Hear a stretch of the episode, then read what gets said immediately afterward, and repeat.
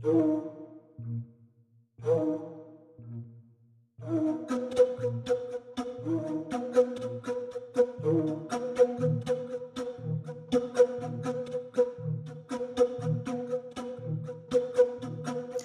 head külmaväristajad ja kikimooride sõbrad. kaks, ei, üks ikka jah, kaks, see saade ja järgmine saade on jäänud ja siis on taas kuulajakirjade episood, mida te kõik väga armastate, aga seni te peate hakkama saama meie lugudega. mina olen Taki. ja mina olen Heidi. kuidas sul läheb seal kummitavas kodus? kuule, vaikus on. mul on ka vaikus kummitusi selles... pole ukse taga kedagi siiamaani. tui-tui-tui luurele pole tulnud. ma ei tea, kas sa lõikasid eelmine kord saatest välja selle koha või milles asi on ei lõiganud vist no igal juhul ma täna panustan sinna, et keegi ikka äkki tuleb. Oh my god. nägin meie Q and A voorus Kikides, keegi küsis, et kas ma Loodusmuuseumist juba olen saanud häid kummituslugusid, veel ei ole saanud aga äh, ma ei ole veel seal ka päris õhtul veel olnud, kuigi eile ma olin küll niimoodi, et muuseum oli juba kinni, aga siis ma lihtsalt mm. kiirustasin äh, kodu, kodu poole aga äh, küll aga esimesed päevad, äh, kui ma olin tööl, siis meil oli talveseminar Anija mõisas ja Anija mõisas pidi küll kummitama. ma kahjuks ei saanud ööseks jääda sinna, millest mul on kohutavalt kahju, et ma pidin nagu tagasi. teised jäid või? teised jäid ja ma käskisin kõigil nagu kõik kummituslood üles, üles kirjutada, meelde jätta. Äh, nad ei olnud seal esimest korda, nad ühe korra veel käinud seal ja siis nad ütlesid küll, et, et, et siis neid oli neid kummituslugudega nii ära hirmutatud, et keegi ei julgenud öösel alla pissile minna seal suures mõisamajas, aga nüüd äh, see, sel aastal või noh, nüüd siis möödunud korral äh, nad ikkagi magasid kõik väga hästi ja midagi ei olnud kuulda, aga meil juhtus seal üks naljakas asi. Niimoodi, et äh, ma käisin, ühesõnaga kõik olid nagu tagasaalis, kus me sõime ja siis fotograaf footos äh, kuuse all ja ma käisin, ma käisin väljas ja ma tulin tagasi ja jääme korraks fotograafiga juttu rääkima ja siis kuuleme niimoodi klõps, klõps, klõps, noh, naise kõndimine nagu. ja nee. kui ma ära tulin sealt saalist, kus kõik sõid, et välja minna korra, kõik olid seal. ja siis me seisame fotograafiga niimoodi, ma ütlesin kummitus ja siis see olid nagu nii selged sammud. siis ma mõtlesin, kurat, see ei saa olla, et see oleks liiga hea, et olla tõsi ja siis ta käis piilumas, tuli tagasi, ütles, et see on keegi naine punases, et läks nagu eemale. Siis keegi mul ei olnud punases ja siis ma seisin seal niimoodi hirmunult. ja siis tuli välja, et see oli meie armas doktor Karin, kes tegi just oma Tiktoki debüüdi äh,, näitas äh, kärgkoralli Äh, oli nii nunnu. ja täiega nunnu. Äh, tulge jälgige Tiktok, äh, Eesti Loodusmuuseumi Tiktoki, sest mina olen see content creator seal praegu. ja, ja meie Tiktoki võite ka jälgida, Dagmaril on Dagmar Lamp vist seal on ju ja minul on ka päris minu nimi seal ja Kikimoorid on ikka Kikimoorid ah?. sinul on Haiti Rules või midagi siukest. on või? okei okay,, ma ei tea, ma ise enam ei mäletagi, mis mul seal on sest ma hakkasin otsima üks päev, et sind tag ida ja siis ikka tuli see Heiti. see on see mu alter ego on see Heiti. jaa, Heiti. kusjuures täna vabandati mu ees esimest korda üldse mingi, ma ei tea, mis aja jooksul, et äh, mul on nii kahju, et ma olen su nime kogu aeg valesti öelnud. kuidas su nimi siis öeldi? et noh, et ei olegi Heidi, vaid on Heidi hoopis see on minu pärand raudselt, sest mina ütlesin Heidi kogu aeg. jah. Ei, me jõudsime, me jõudsime siin taga nutta küll omajagu, nii et. mul on väga kahju. Ei ole tegelikult üldse. Ja tõesti, nii see on, mina kutsun sind või kutsun vahepeal senimaanigi. töökeskkonnas tõesti juhtus seda päris palju, kui ma sind no vot ja, ja siis ma üritasin selgitada, et it's fine, it's fine. Aga uues kohas mind kutsutakse ka juba takiks, nii et selles mõttes on kõik äh.... oh, ludinal läheb siis läheb hullult mõnus on, ausalt nii mõnus on. aga mu siht on ikkagi hea, meil on kolm aastat aega, enne kui me uude majja kolime, uus maja valmis saab ja selle aja jooksul ma kavatsen ööbida Loodusmuuseumis kindlasti ja seda jäädvustada kuidagi, nii et see on üks äge, äge koht ja suht creepy, kui seal kedagi ei ole minul on äh, uudiseid täpselt nii palju, et ma panin need asjad seina tagasi, mis sealt mm -hmm. alla lennutati ja need nüüd on ilusti seal ja panin äh, nende kivikeste asemel panin elevandid ritta hoopis, vaatame, kas elevandid lähevad paremini peale äkki. no vaatame. aga mul üldiselt on niimoodi, et äh, kui ma täitsa, täitsa kristallselt aus olen, siis mul on äh, siuksed lood, mida ma pole väga läbi kirjutanud, need on mul vanast ajast äh,. kunagi ma hakkasin tegema mingit te teemat ajama, mõtlesin, et teen ühe temaatika ja vaatan, kas saan saatematerjali kokku ja, ja siis siin on niisugust nipet-näpet äh, nõukogude ajast. nii et äh, kui te ei pane pahaks, siis ma alustaksin ja see on nõukogudeaegsed äh, surmanuhtlused, ma olen tegelikult ühe loo siit sellest failist juba ära teinud äh,. aga ma alustan ühe pikema looga. Väga hea, pikad kus... lood mulle meeldivad, sest mul on endal üsna lühikesed kõik.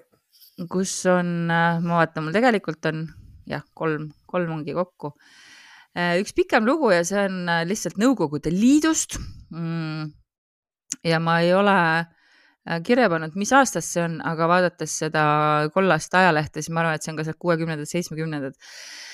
ja pealkiri oli siis surmanuhtlus keskpäeval. Reedel, jällegi ma väga vabandan, et ma ei tea siin, ma ei ole kirja pannud kuupäevasid. Äh, õigeusklike muhameedlaste pühapäeval oli linna turuväljak tulvil valgetes halattides inimesi. Nad olid tulnud hukkamist vaatama väljaku keskel seisis sale neiu pikas mustas rüüs. sõdurid vedasid ta liivahunniku juurde. kaks neist võtsid revolvrid ja kumbki tulistas kolm korda. neiu kukkus. Lähedal seisis äh, sõdur tohutu kõvera mõõgaga. Tema ees väänles mees, käed selja taha seotud. äkitselt välkus mõõk õhus. veel kaks hoopi ja pea veeres õlgadelt. timukas hüüdis Allah Akbar mm ja see pilt pole siis mitte kaugest keskajast, vaid see kõik toimus siis äh, kahekümnenda sajandi viimasel veerandil. Äh, täpsustatud on siin meie päevil, nii et ma arvan, et see on siis seal seitsmekümnendatest edasi on viimane veerand, jah. meie päevil, jah kirjeldatud sündmus äh, oli siis Saudi Araabia printsessi Misha ja tema mehe hukkamine, mis siis sai teoks Džida turuväljakul ja selle pildistas üles mm, sigaretipakki peidetud minikaameraga inimene nimega Barry Melner, kes oli tulnud Saudi Araabiasse rikkust otsima. ja loomulikult äh, sellise teo eest äh, riskis ka tema surmanuhtlusega. aga Barry siis kohe, kui see hukkamine oli toimunud, et siis ta põgenes Inglismaale tagasi ja sealt tuli siis ka see avalikuks, et sihuke asi oli toimunud. aga mis see kuritegu siis oli, mille eest see kahekümne kolme aastane printsess, kes oli pärit siis Saudi kuninglikust perekonnast äh,, äh hukati? noh, loomulikult asi on selles mõttes väga lihtne, et ta jul julges ilma perekonna loata armuda madalast päristulust mehesse. Tegelikult ka jälle nii või? no jälle nii ja tahaks nagu öelda, et ega väga palju ei ole asjad muutunud seal tänapäeval, lihtsalt on saanud võib-olla natukene värskema värvi seina, aga see alus on ikkagi kõik sama. Äh, Saudi Araabias valitses siis äh, toona ja minu meelest ka praegu absoluutne monarhia. Äh, puudub konstitutsioon, on ära märgitud. Kuningas on ühtlas, ühtle, ühtaegu kõrgem vaimu, vaimulik kui ka ülemkohtunik. Ja keelatud on poliitiliste parteide tegevus. Ja ma ütlen igaks juhuks, et see on siis seitsmekümnendatel, kaheksakümnendatel, et ma ei tea, mis siis praegu täpselt siin täpne on, aga me teame seda, et Saudi Araabias on tõesti tegelikult jätkuvalt väga-väga sihuke karm, karm elu tegelikult. kuigi nad on väga rikkad. Ja kõik maavarad siis kuuluvadki valitsejale ja tema perekonnale ja väidetavalt siis toona kaheksakümmend protsenti elanikest olid kirjaoskamatud ja et kindlustada oma võimu ja säilitada varandust, äh, tõotasid siis äh, kuningliku perekonna liikmed hoida verepuhtust, sõlmida abielud vaid omavahel ja ainult siis Saudi prints võib võtta endale naisi äh, või naise teisest soost, kuid Saudi printsess ei tohi mingil juhul abielluda alamast soost isikuga mm. -hmm. siin sugu siis ilmselt ei ei ole mõeldud nagu mitte sugu, gender, vaid siis. rahakott. jah. Põhimõtteliselt. Aga just siis printsess Misha seda tegi ja olgugi, et siis võimumehed püüavad isoleerida oma riiki välismaailmas, siis äh, piirates oma kodanike sõite piiri taha, et siis see võimalus on dünastia liikmetel siiski olemas ja printsess õppiski siis Beiruti ülikoolis seal tutvustama tulevase mehe Musleh Ashariga ja viimase onupoeg äh, oli siis endine kindral Saar, Saudi saari, saadik Liibanonis. ehk siis tegelikult ta ei olnud üldse nagu mingi talupoeg, onju. Mhm. noored armusid, printsess kirjutas oma isale, palus luba abiellumiseks, aga perekonnapea, kes oli siis ühtlasi kuninga vend, Haledi Muhamed äh, ja neiu vanaisa ei tahtnud mingil tingimusel lubada abielu mehega kodanlikust päritolust ja tõn-tõn-tõn, äh, oota, kuidas see siis oli, perekonnapea, kuninga vend, neiu vanaisa mm -hmm,. okei okay. mm, -hmm. käskis siis lapselapsel täita perekonnaseadust ja abielluda veresugulasest printsiga, keda neiu üldse ei tundnud. täitsa pahel ikka, ma ei saa no,, lähevad nii kettesse need lood nagu mm. -hmm. Miša kutsuti koju tagasi, aga sihuke nooruse armastus oli ikkagi väga tugev ja nad olid väga kangekaelsed, otsustasid salaja abielluda Araabias äh, kõigi Koraani seaduste järgi ja arvasid, et äh, ainult abielu siis võib neid kaitsta ja nende armastust äh, juhul, kui siis nende pagemisplaanid avastatakse ja nad tahtsidki siis Saudi Araabiast kindlasti põgeneda ja piiri taga oleks nad olnud tõesti vabad. ja Muhamedi seaduste järgi juhtumil, kui röövitakse vallaline neiu, ükskõik kas ta enda tahtel või vastu tahtmist, mõistetakse mõlemad asjaosalised, nii röövija kui röövitav surma. see on ikka nagu äh,. aga isegi abielu ei päästnud siin, nii et äh, Muhamed, kes siis ise Koraani seaduste vastaselt pruukis väidetavalt salaja alkoholi äh,, väidetavalt lisasin mina siia ei mina leppinud üldse. üle sellest sina käid sellest üle. ei leppinud üldsegi oma lapselapse patuga ta juhukaitsjad alustasid siis jahti noorte, noore abielupaari peale ja ei aidanud ka see, et printsess jättis oma riided plaažile ja teeskles enesetappu. et olid siis äraandjad, kes reetsid ta. Misha lõikas ka oma juuksed maha, riietus valgesse halatti nagu mehed ja püüdis läbi piiramisrõnga lennujaama pääseda et lennata Londonisse, aga ikkagi asjata julgeolekuteenistuse töötajad võtsid ta kinni. ja formaalseks kohtuotsuseks tegelikult alust ei olnud Mm, kuningas Hale, Haledile teatati, et abielu on legaalne ja järelikult polnud tegemist röövimisega, põgenemisega. aga sellest hoolimata ütles valitseja oma vennale, et tee nagu tahad. ja siis Muhamed pidas vajalikuks äh, oma siis äh, suguvõsa huve kaitsta ja, ja seda siis seda niisugusel keskaegsel kombel. ja ta väitis, et vähe sellest, et printsess Misha oma perekonna au määris, kuningliku kodu liikmena toimis ta ka riigikorra vastaselt ja ainult äh, ühe vastutuleku võis siis vanaisa lubada, kuigi Koraani ettekirjutuse järgi, järgi tulnuks patustanu, oh jumal, kaevata ma, kaelast saati maasse ja kividega surnuks visata uh. -huh. otsustas ta siis halastada ja lihtsalt siis maha lasta selle kõrge päritoluga äh, surmamõistetu. ja pidi ta siis surema enne, kui tema armastatu nii et selline tegelikkus siis äh, toona ja tegelikult selliseid asju juhtub, sarnaseid asju juhtub seal ka praegu teinekord.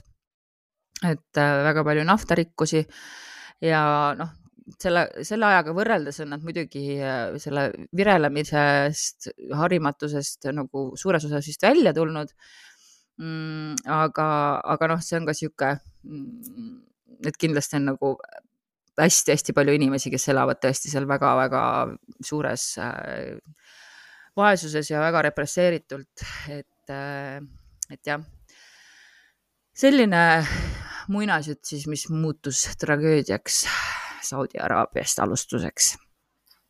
mul ikka ei mahu see osa ka pähe, et nagu kui äh, röövitakse tahtevastaselt, et siis ka tapetakse mõlemad ära no sihuke mõnus klassika ohvri süüdistamine, patriarhaat, kus naine ei ole mitte midagi muud kui objekt mm. -hmm. nii et jah. okei okay., aga eks ma siis annan oma panuse ka sinna korra või lisa, väikse lisa, kui tohib, kui sa enam midagi lisad ise teha.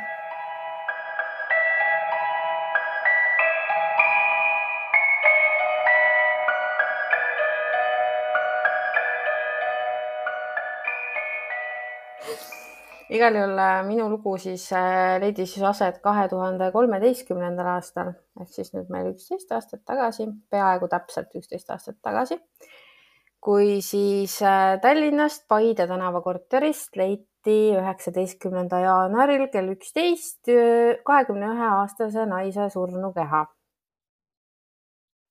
ma nüüd ootan reaktsiooni, et oh my god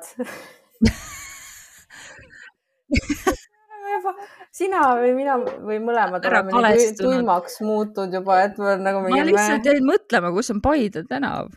Paide tänav on seal Magdalena haigla juurest üle tee põhimõtteliselt. ah, okei okay,, okei okay. no kakskümmend üks aastat. Pärnu maantee mm. -hmm. ja mm. -hmm. nii ja siis ähm, leidsid äh, selle surnukeha siis selle tüdruku või, või äh, neiu vanemad õigujõudne mm. -hmm. ja tal oli siis hunnik vigastusi, kohe ikka, ikka kõvasti vigastusi. Ja selle kuritööga seoses siis hakati taga otsima tema abikaasat, kelle nimi oli Kennet Kuningas.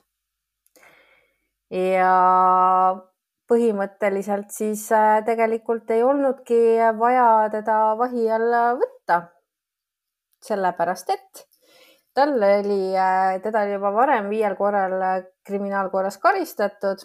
Kõige viimane kord siis varavastaste kuritegude eest ja ta tegelikult oli juba tagaotsitav. oota, mis mõttes ei olnud vahi alla vaja võtta, ikka oli vaja vahi alla võtta?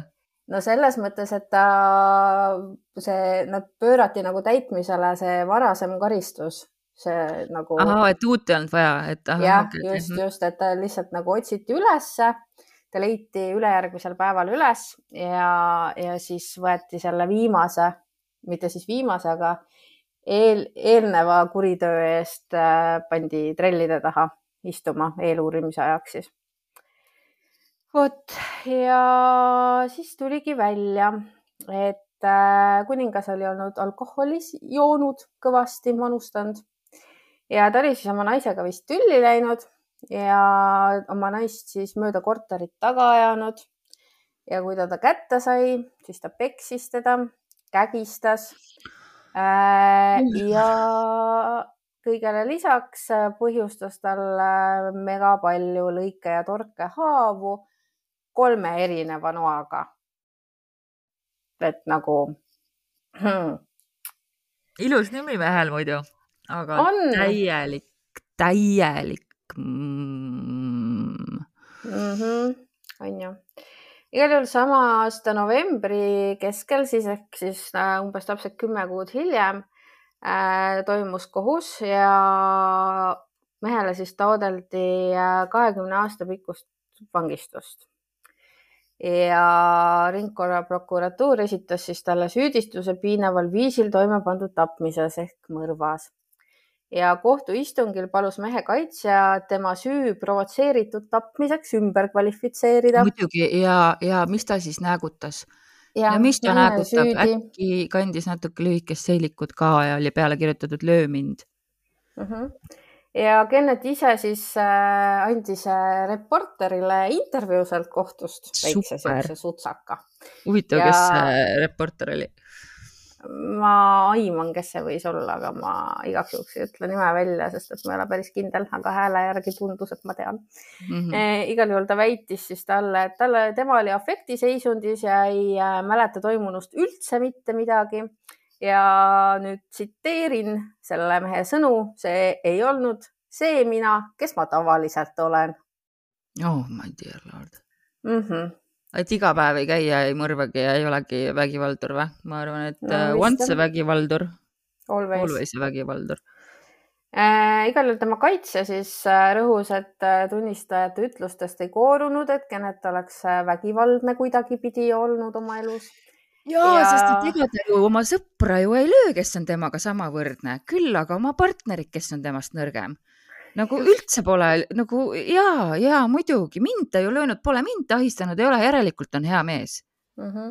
et põhimõtteliselt äh, kellegi vastu pole elu sees kordagi kätt tõstnud, aga nüüd siis äh, põmm, põmm, põmm, põmm. kolme noaga mm. -hmm. ja, ja ringkonnaprokurör rõhutas, et äh, kui ta leidis aega nii pikaajaliselt, siis oma seda ohvrit kolme erineva terariistaga piinata et siis no obviously see ei saanud olla afektiseisund, kus sa nagu haarad esimese ettejuhtuva eseme ja plaksti nagu mm -hmm. paned mingi paugu kirja, onju.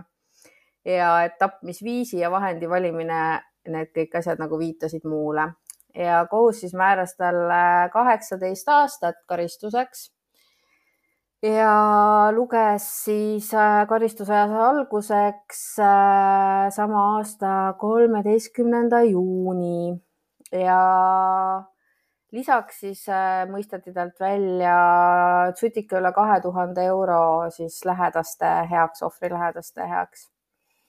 ja omaksed siis ütlesid, et noh, kaheksateist aastat, et kui seadus äh, enamat ei võimalda, tuleb selle karistusega järelikult siis rahule jääda, et äh, vähemalt ei pääsenud ta lühiajalise vangistusega, mis on nagu tegelikult hästi öeldud vist minu meelest, sest et noh, siin ei tea kunagi, minu, mul on mulje jäänud, et ei tea kunagi nagu, kuidas ja. need asjad võivad minna.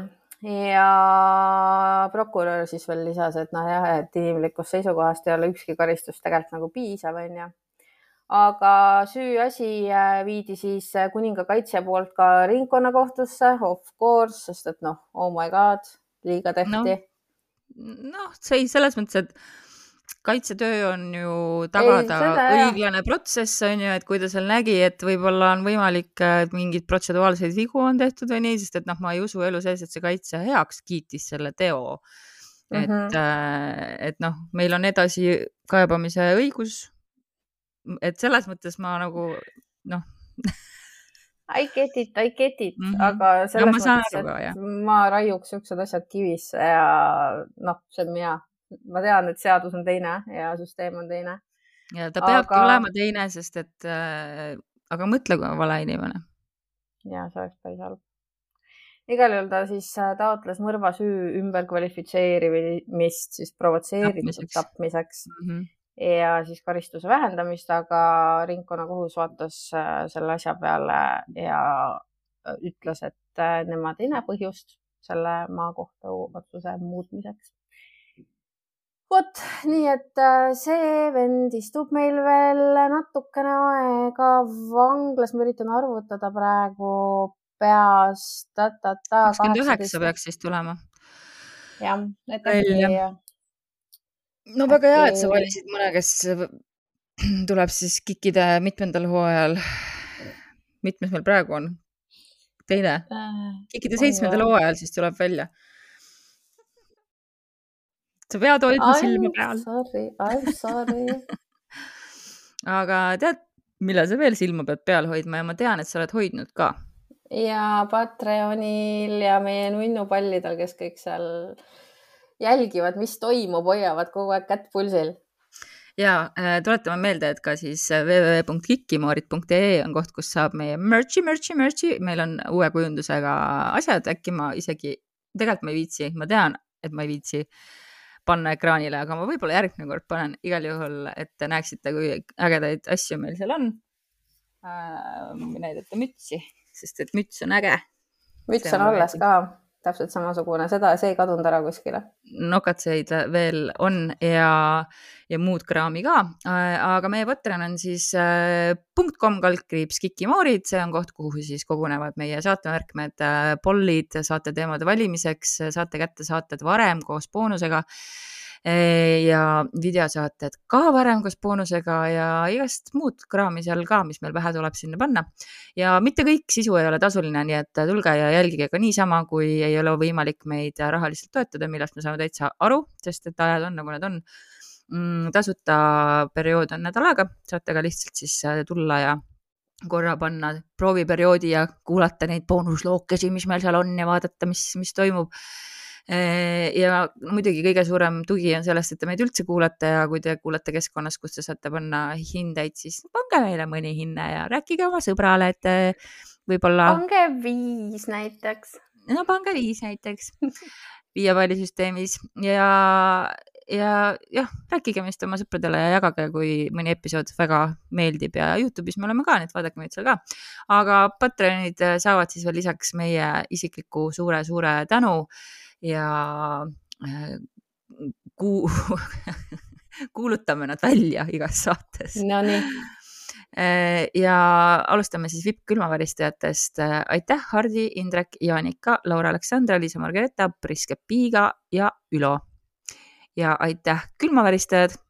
Anni, Annika, Arinak, Karoliina, Cassandra, Carol, Dagmar, Tarmo, Diana, Eija, Elina, Endre, Erika, Edlin, Ester, Grete, Hanna, Helen, Iiris, Janeli, Jörgen, K, Kadja Oliver, Karita, Karmen Berta, Katariina Jee, Kati, Kelly, Kerli, Kersti, Ketrin, Kirke, Kirke S, Krista, Kristel, Kristiina, Külli, Lii, Liina, Liina K, Maarja, Malle, Marge ja Margit aka Nahktibi. Ja aitäh, Marielle, Mer, Merit, Merle, Mäger, Nastra Nulland Void, Beata tädi, Raile, Reet, Riina, Riina K, Risto, Screamsilm, Shirley, Sigrid, Sigrid, Tiigerhunt, Triin, Viirastus ja Väike-Väike viirastus. viirastus ka nüüd. ja aitäh kõikidele uutele tulijatele ka, et teid ikka tuleb ja me oleme ülitänulikud teie toe eest, sest et see tõesti aitab meil seda saadet iganädalaselt oma põhitööde kõrvalt äh, teha, mis ei ole üldse sugugi äh, vähenõudlikud, äh, kuigi on väga lahedad, aga see on ikkagi meie kirg ja meie süda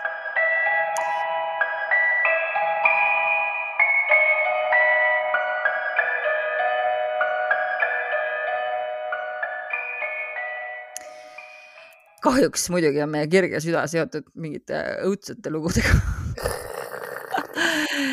Mul on boonuses äh, üks eriti ähm, rõve, aga õnneks väheste detailidega, aga siis te võite ise seal ette kujutada mm, äh, lugu, aga enne seda ma mm, jutustan äh, ühest sellisest juhtumist, kui siis paari päeva jooksul Eesti NSV ülemkohtus võeti arutlusele suisa kolm tapmisjuhtumist, juhtumit, mis leidsid aset Pärnus ja need on siis kolm erinevat case'i Pärnus mm. samal ajal. kõigepealt siis teise majavalitsuse majahoidja Mari Kivimäe mõrvas viina, mõrvas vi, viina võtmisele järgnenud tüli äh,. Oota, ühesõnaga ei, Mari Kivimäe mõrvas viina võtmisele järgnenud tüli tagajärjel kirvega oma mehe kommunaari töölise Aleksei Kivimäe ehk siis Mari tappis Aleksei, niipidi oli mm. -hmm. kohus mõistis siis äh, Marile kümme aastat vabaduse kaotust.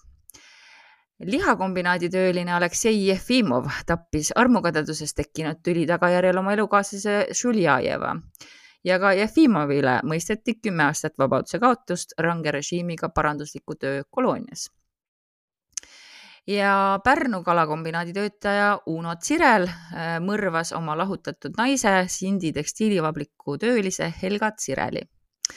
aga lahkumineku siin... pärast või? Äh, siin sündis äh, tapmine raskendavatel asjaoludel ja seetõttu Nii. mõisteti Unole kõrgeim karistusmäär surmanuhtlus. aga siin oli tõesti nii, nagu toksilised mehed väga sageli mm, pärast lahutust kannavad kauna oma ekside peale, siis nõnda oli ka siis Sindi elanikul Unol, kes siis oma endise lahutatud abikaasa Helga vastu suurt viha kandis ja otsustas ta mõrvata. see toimus siis öösel vastu üheksandat detsembrit tuhat üheksasada kuuskümmend seitse ja siin tuleb tõesti, siin on rõvedad detailid, nii et pange siis vaim valmis ööl vastu üheksandat detsembrit kuuskümmend seitse läks ta siis tapmise eesmärgil Äh, Helga korterisse ja Helga Tsirel oli samal ajal siis tööl. Ja ta tõi siis õuel asuvast garaažist äh, umbes kaks liitrit bensiini ja jäi ootama.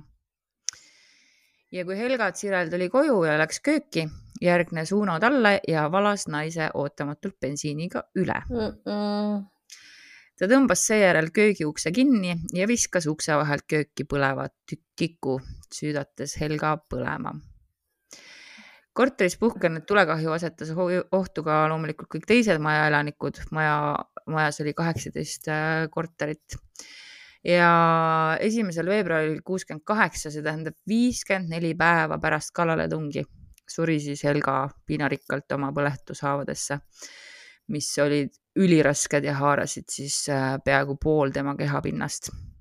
Okay..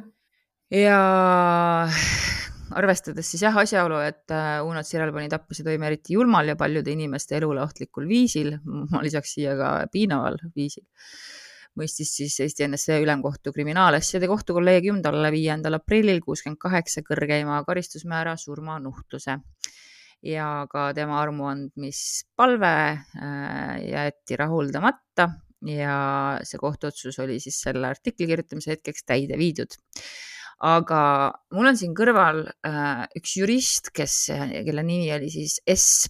Uibo, kes kirjutas siis kahekümne viiendal aprillil kuuskümmend kaheksa mingi mõtiskluse sellest äh, kohtukroonika teemast.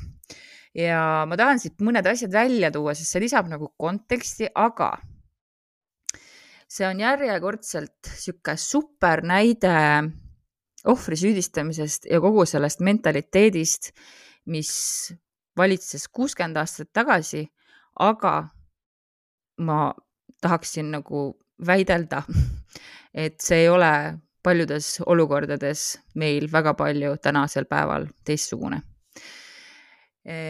igal juhul mm, ta siis äh, võttis kätte, et arutada selle üle, et kas siis saab neid lugusid lõpetatuks pidada, et kurjategijad ju said oma karistuse kätte aga tema siis ikkagi tahtis mõelda, et igasugused need põhjused ja asjaolud, mis selliseid kuritegusid, kuritegusid tingivad, eksisteerivad ju mõndades perekondades edasi.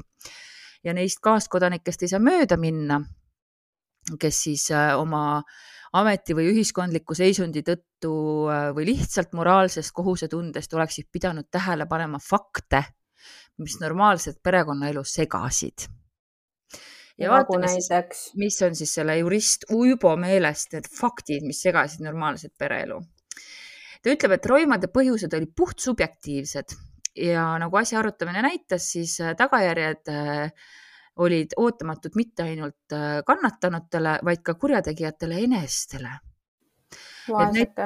Mm, vaevalt võisid siis Jefimov ja Mari Kivimäe ise kuni kuriteo silmapilguni uskuda, et nad saavad hakkama tapmisega.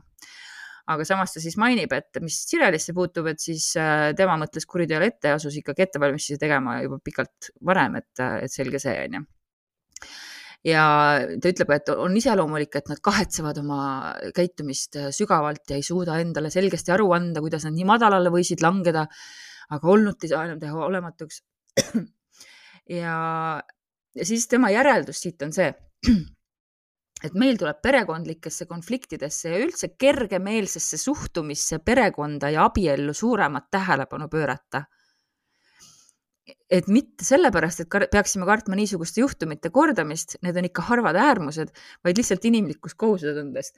perevägivald ei ole harv äärmus, okei okay,, äärmus on võib-olla see, et keegi ära tapetakse, jah, seda küll mm, -hmm. aga perevägivald on selle asja algpõhjus aga ta ei näe seda, ta, ta ei suuda seda analüüsida adekvaatselt, sest et äh, et ta muidugi siin toob selle, et noh, jah, et äh, perekonnasuhted on Nõukogude kodanike isikliku elu sfäär ja sellesse ei ole taktitundeline sekkuda mm,. aga et kahjuks aga ei ole veel igaühele selge, et niipea kui perekonnas ebanormaalne olukord tekib ja mis eriti tähtis, perekonnaliikmed seda ise tunnistavad ning teistelt abi paluvad, oleks ebainimlik abistamisest keelduda muidugi on takt, ettevaatlikkus ja järjekindlus ja printsipiaalsus vältimatud. siin see lause, kui see muud konteksti ei oleks, ma oleksin sellega nõus.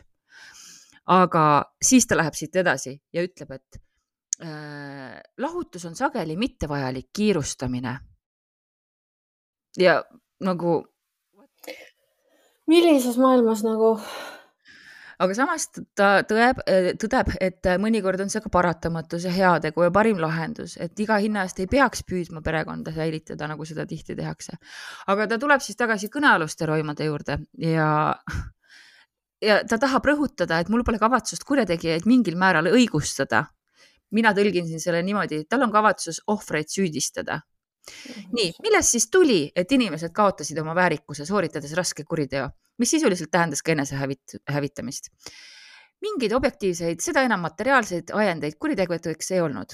Tširel näiteks oli enda oma abikaasast ohvrist lahutanud ja kohtus teise naisega, kavatsedes kolmandat korda perekonda asutada. Jefimovil ja Ženjajeval oli kõik vajalik olemas, et normaalset elu elada. alles kuuekümne kuuendal aastal said nad mugava korteri ka Kivimäe perekonnal ei puudunud midagi, kui mitte arvestada, et nad koos kuritarvitasid alkoholi.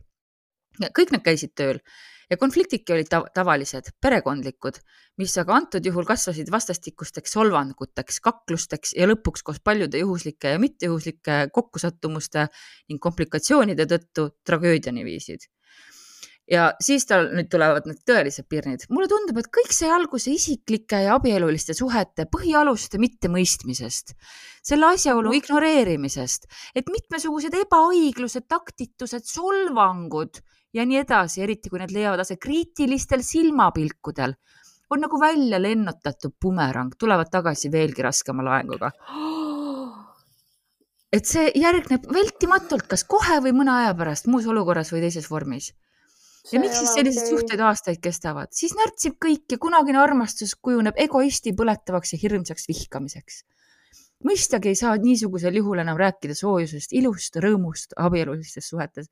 ehk siis ta ilustab vägivaldseid suhteid mm. -hmm. ja ta toob siin ka siis äh, mingeid näiteid, et, et sa ei märka tänadagi, ütleme, kätte ulatatud kohvitassi eest ja, ja et oled liigselt leppimatu teise poole väheoluliste puuduste vastu et sirelid, jah, näiteks, et sa oled vägivaldne tõbras. sirelid tülitsesid ja nüüd siis tuleb see, kusjuures just mees sai nahutada naise käest. tõenäoliselt see asjaolu viiski Sireli kättemaksu mõttele isegi pärast lahutust. sa vaene inimene protsessil ütles ta, et kui ta naise köögis bensiiniga oli üle valanud, hakkas too välja tungima. mees hoidis ust teiselt poolt kinni ja ähvardas, et heidab põleva tikku, kui naine järele ei jäta. ja ei jätnud jah? naine ei võtnud ähvardust kuulda ja siis mees mm -hmm. heitis. isa süüdi muidugi. ise süüdi. Kivimäe abielupaari õisakälja kakles. üks neist kaklusi saigi saatuslikuks. mees lõi tühjaks joodud portveinipudeliga naist, naine haaras aga äkkvihast kirve. kumb siin enne siis tegi? ikka mees mm. -hmm ja keerulisem on siis Jefimovi lugu, et ta oli siis alati väga kannatlikult suhtunud Tšenjajevasse, hoolimata sellest, et too joobnult ikka ja jälle teda solvas ning alandas tema inimväärikust kõrvaliste inimeste juuresolekul. Tšenjajeva ei armastanud Jefimovit, suhtus ellu kergemeelselt ja ekspluateeris mehe tundeid jultunult. no tappa ära tuleb sihuke. muidugi seda kinnitab asjaolu, et ta isegi mõnikümmend minutit enne mõrva käskis mehel teha midagi niisugust, mis tolle eneseväärikust solvas. naine pettis meest. sellest teati ja sellest räägiti ka Jefimovile. mees uskus ja ei uskunud, sest ta armastas naist ning otsis teda, kui ta ootamatult oli kuhugi kadunud. mõrvapäeval oli Jefimovil pingeline tööpäev selja taga. mõtled sa, pingeline tööpäev, tuli koju, oli väsinud ja näljane palus seniori pealt andeks, et oli teda kaks päeva tagasi löönud. mõtle, milline prints. sul, sulgudes vastuseks naiselt saadud löögile. Ženjajeva sõimas teda, lubas kätte maksta. naine ütles väljakutsuvalt, olen seni elanud teistega ja elan ka edaspidi. Need jäidki tema viimasteks sõnadeks. mõtle, vaene mees. õhtusööki ei saanudki, jah? jah, ta nii püüdis ta nii püüdis, oli küll üles klobinud paar päeva tagasi, nii armastas ju. ja siis siin veel muidugi kirsiks tordil lõpus ütleb, et Ženjajeva ebaõiget käitumist märkas ikka selle perekonna tuttavad, aga keegi talle seda ei öelnud. ja olukorrast olid teadlikud ka Jefimovi töökaaslased, kuid sealgi ei tuntud konflikti põhjuste vastu huvi. aga noh, selles mõttes, et kui sa näed vägivaldset suhet, siis palun sekku nii palju, kui sa saad. aga lihtsalt kogu nagu see noh, see on sihuke, see on, see on see, mis senimaani imitseb läbi meil, see suhtumine senimaani imitseb läbi meil. ja meil on terved suured kogukonnad toksilisi mehi, kes elavad selles teadmises, et äh, neile ollakse võlgu. nii et äh, kui midagi me selle kikimooridega ära teeme, siis ma loodan seda, et jõustame noori naisi ja ka noori mehi ja mittepinaarseid inimesi äh, ära tulema, kui on vähegi, vähegi ohumärke, tulge ära. tulge ära ja kaitske ennast ja ärge lubage endaga käituda niimoodi mitte kunagi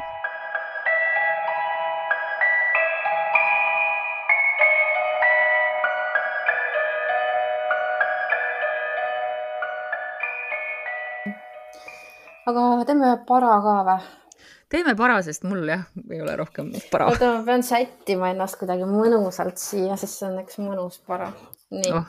äge. oleks pidanud ikka teises toas salvestama, siin on nii ebamugav millegipärast, ma ei tea, harjumatu.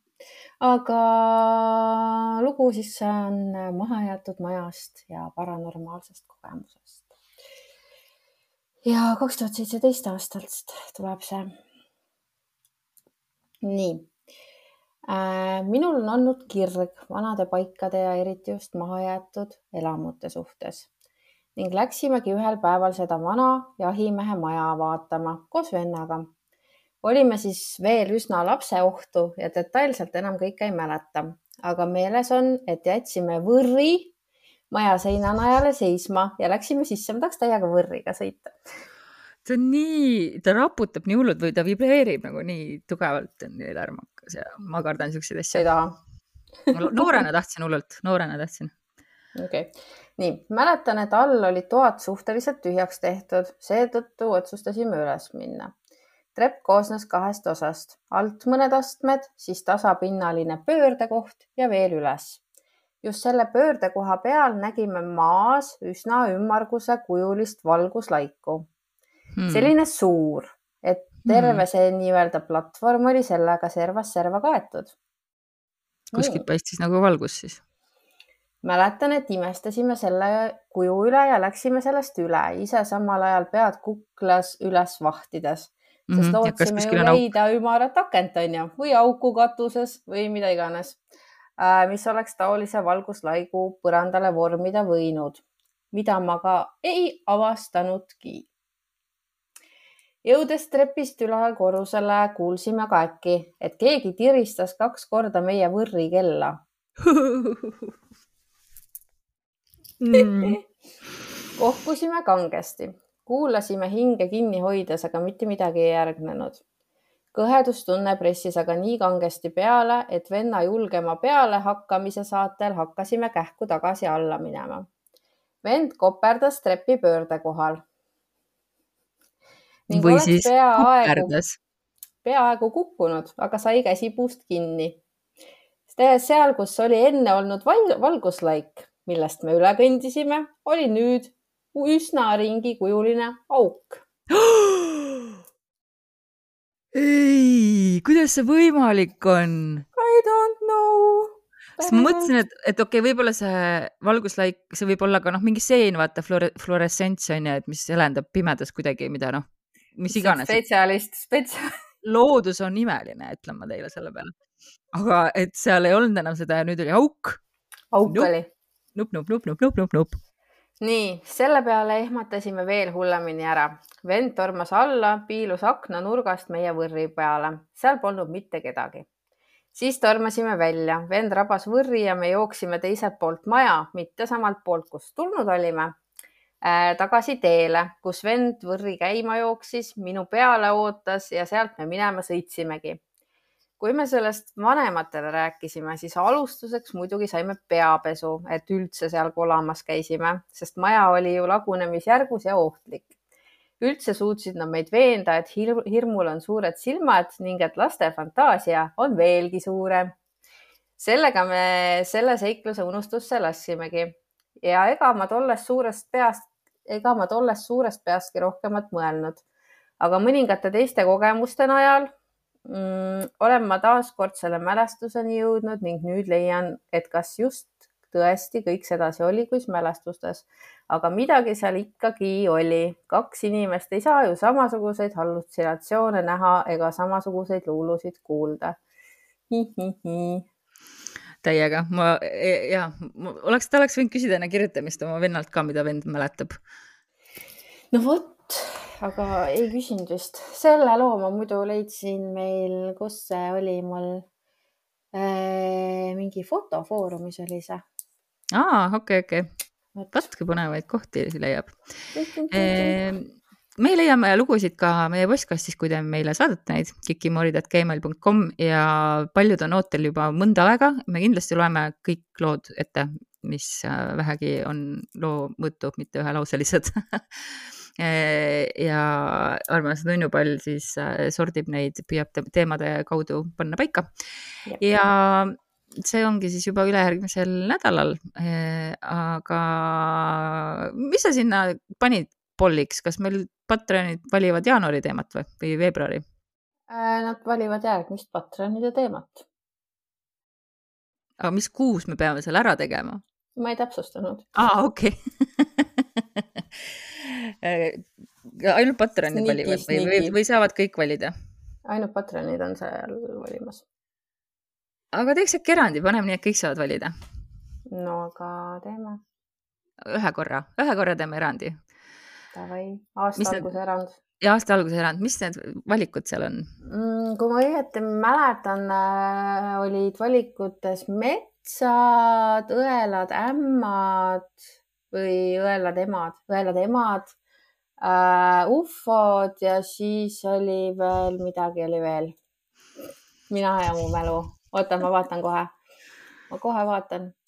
nii ah,, eestlased välismaal, õelad emad, metsad ja ufod okei okay,, no kõlab muinasjutuliselt.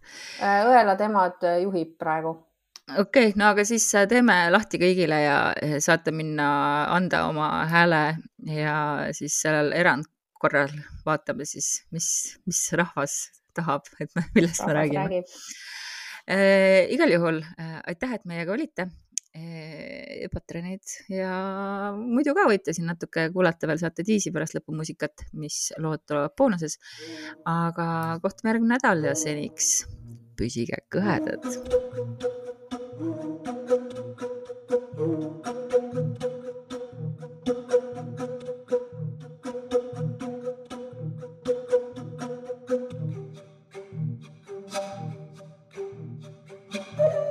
Nii, mul kahjuks on ikkagi üks päris kehva lugu siia lõppu loodan, et üks kehva lugu. sul on midagi toredat, sest parem on alati mingi siuksel naljakal noodil lõpetada, aga. mul on üks väike sutsakas parat. no väga hea, et on para, sest mul on krimi ja on siis äh, taas sama temaatika, mis mul siin äh, on olnud härra Vel-, Vello Linnaste, no härraks ma tegelikult ei taha teda nimetada, Vello Linnaste sündis siis tuhande üheksasaja kolmekümne kuuendal aastal, aga tema elutee läks siis nõnda, et äh, hakkas viin väga maitsema ja temast sai siis krooniline joodik ja perekonnaelu jooksis karile ja tema kõlvatud teod olid siis nõukogude ajal arutusel Kroomi kollektiivis. Nagu siis toona oli kombeks, et äh, kui sa siis ikkagi ühiskondlikule moraalile kuidagi jalgu jäid, siis võeti äh, ette ja arutleti ja tehti noomitusi, aga, aga mingeid järeldusi linnaste sellest ei teinud endale, aga langes üha sügavamale kraavi. ja kahekümne esimesel septembril tuhat üheksasada kuuskümmend, olles järjekordselt viinastunud, külastas, külastas ta oma naistuttavat kodanikku Ted, nime ei ole toodud, rohkem ainult initsiaal ja tema juures siis purjutamine jätkus. aga nagu nende purjutamistega on, tekkis nende vahel tüli ja siis äh, linnaste tungis äh, teele kallale ja kägistas ta. ja nüüd tuleb suur-suur äh, päästikuhoiatus